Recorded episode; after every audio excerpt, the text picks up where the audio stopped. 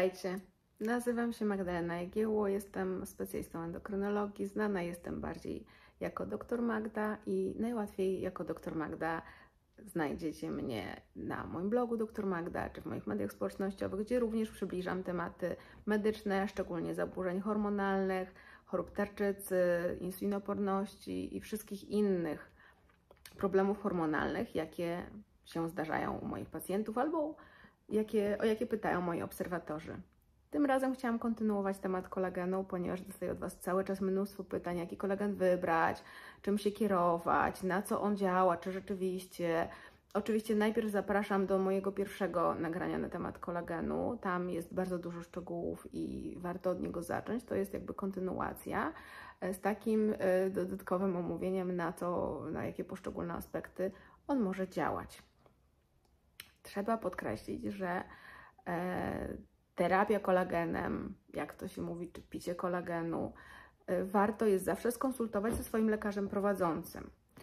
E, tych kolagenów jest kilka. Generalnie w suplementach, czyli w takich produktach spożywczych, nutraceutycznych, czyli takich leczących produktach spożywczych, zazwyczaj stosowane są trzy typy, pierwszy, drugi i trzeci typ kolagenu.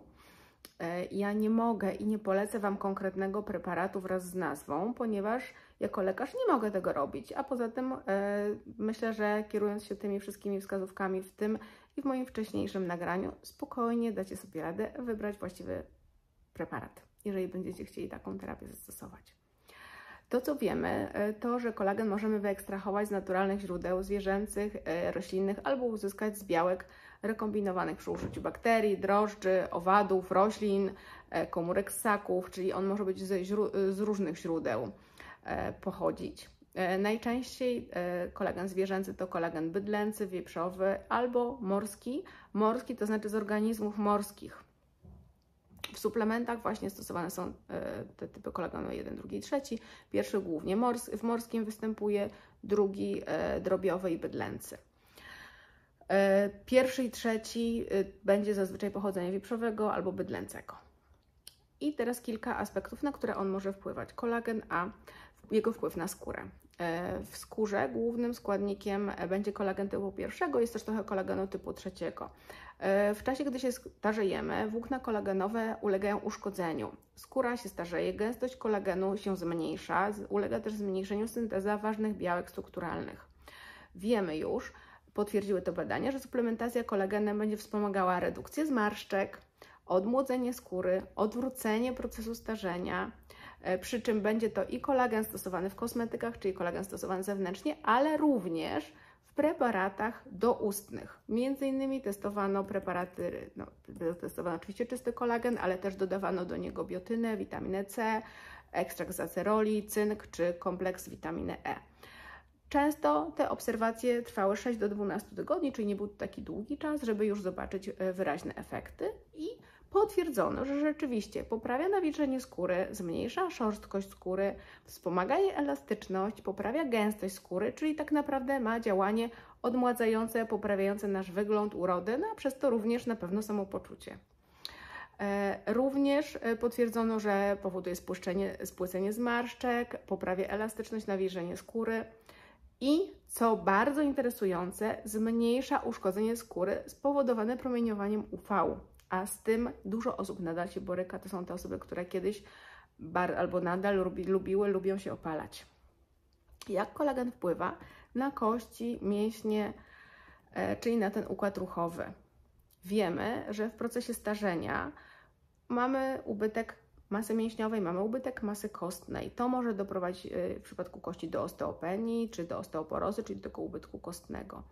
Wiemy już od dawna, że kolagen typu pierwszego jest stosowany jako mm, taki składnik do produkcji implantów, takich rusztowań do naprawy układu kostnego, e, ale też y, okazało się, że hydrolizat kolagenu, czyli produkt, y, taki kolagen do spożycia doustnego będzie nam wspomagał wzrost siły mięśniowej i wzrost masy mięśniowej w połączeniu z aktywnością fizyczną i to było akurat y, badanie prowadzone na y, pacjentach mężczyznach po 50 roku życia.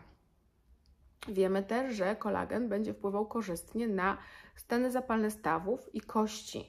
I tutaj mówimy o doustnych preparatach kolagenu. Potwierdzono też, że one mogą łagodzić dolegliwości bólowe związane z tymi uszkodzeniami, na przykład związane ze, z chorobą zwyrodnieniową stawów, a wiele osób wcale nie tylko w wieku podeszłym niestety cierpi na te dolegliwości bólowe, na zmiany zwyrodnieniowe, bo prowadzimy coraz bardziej siedzący tryb życia. Wiemy też, że kolagen może być stosowany jako produkt poprawiający gojenie się ran, ubytków skóry czy oparzeń. Już dawno, czy również od leżyn, już dawno stosowany był w opatrunkach, czyli stosowany był zewnętrznie. Natomiast okazuje się, że doustne podawanie kolagenu typu pierwszego i drugiego również może wspomagać leczenie ran.